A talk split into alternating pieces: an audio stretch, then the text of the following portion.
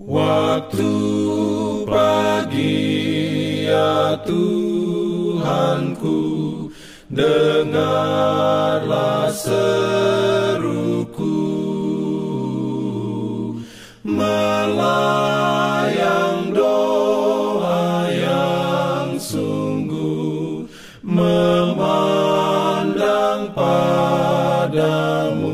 Selamat pagi pendengar Radio Advent Suara Pengharapan Mari mendengarkan suara Tuhan melalui tulisan pena inspirasi Yesus nama di atas segala nama. Renungan harian 17 Januari 2024 dengan judul Raja Surgawi. Ayat inti diambil dari 1 Petrus 1 ayat 18 dan 19. Firman Tuhan berbunyi, sebab kamu tahu bahwa kamu telah ditebus dari cara hidupmu yang sia-sia, yang dengan darah yang mahal, yaitu darah Kristus yang sama seperti darah anak domba yang tak bernoda dan tak bercacat.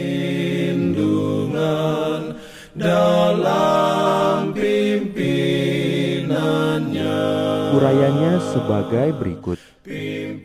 Yesus memandang pada mangsa korban yang tidak bersalah itu dan melihat bagaimana orang Yahudi telah menjadikan perhimpunan besar ini sebagai peristiwa penumpahan darah dan kebengisan. Gantinya penyesalan dari dosa yang penuh kerendahan hati, mereka telah melipat gandakan korban binatang.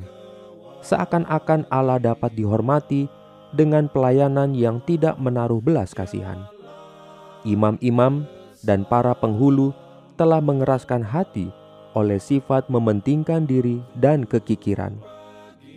Lambang yang justru menunjuk kepada anak domba Allah telah menjadikan mereka sebagai alat untuk mengeruk keuntungan.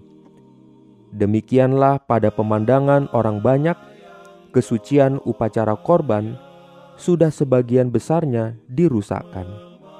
Kemarahan orang Yahudi dibangkitkan. Ia mengetahui bahwa darahnya yang tidak lama lagi akan dicurahkan untuk dosa dunia ini akan kurang dihargai oleh imam-imam dan tua-tua, sebagaimana halnya dengan darah binatang yang mereka biarkan mengalir terus-menerus. Terhadap kebiasaan inilah, Kristus telah berbicara dengan perantaraan para nabi. Samuel telah berkata, Apakah Tuhan itu berkenan kepada korban bakaran dan korban sembelihan, sama seperti kepada mendengarkan suara Tuhan? Sesungguhnya, mendengarkan lebih baik daripada korban sembelihan, memperhatikan lebih baik daripada lemak domba-domba jantan. Ia yang sudah memberikan nubuatan ini sekarang untuk saat terakhir mengulangi amaran itu. Dalam kegenapan nubuatan, orang banyak telah memasyurkan Yesus sebagai Raja Israel. Ia telah menerima penghormatan mereka dan menerima jabatan raja.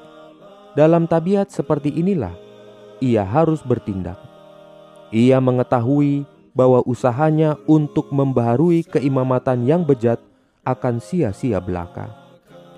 Meskipun demikian, pekerjaannya harus dilakukan. Kepada banyak bukti tugas ilahinya harus diberikan. Sekali lagi, pandangan Yesus yang tajam itu mengamat-amati halaman bait suci yang sudah dinajiskan. Semua mata tertuju kepadanya. Imam dan penghulu, orang Farisi dan orang kafir, memandang keheran-heranan kepadanya yang berdiri di hadapan mereka dengan kebesaran Raja Surga. Keilahian memancar melalui kemanusiaan, menyelubungi Kristus dengan keagungan dan kemuliaan yang belum pernah dinyatakannya sebelumnya. Kristus berbicara dengan suatu kuasa yang mempengaruhi orang banyak bagaikan angin topan yang keras.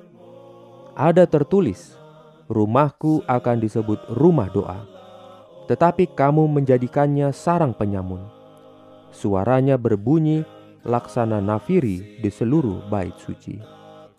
Renungkan lebih dalam bagi Anda Kapankah saya pernah merasakan kemarahan yang saleh yang Yesus lakukan di bait suci, diberikannya perlindungan dalam pimpinannya.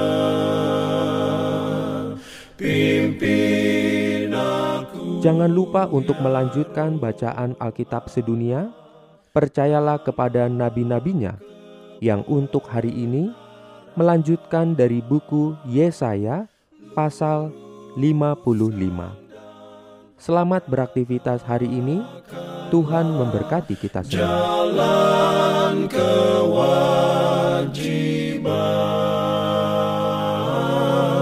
Jalan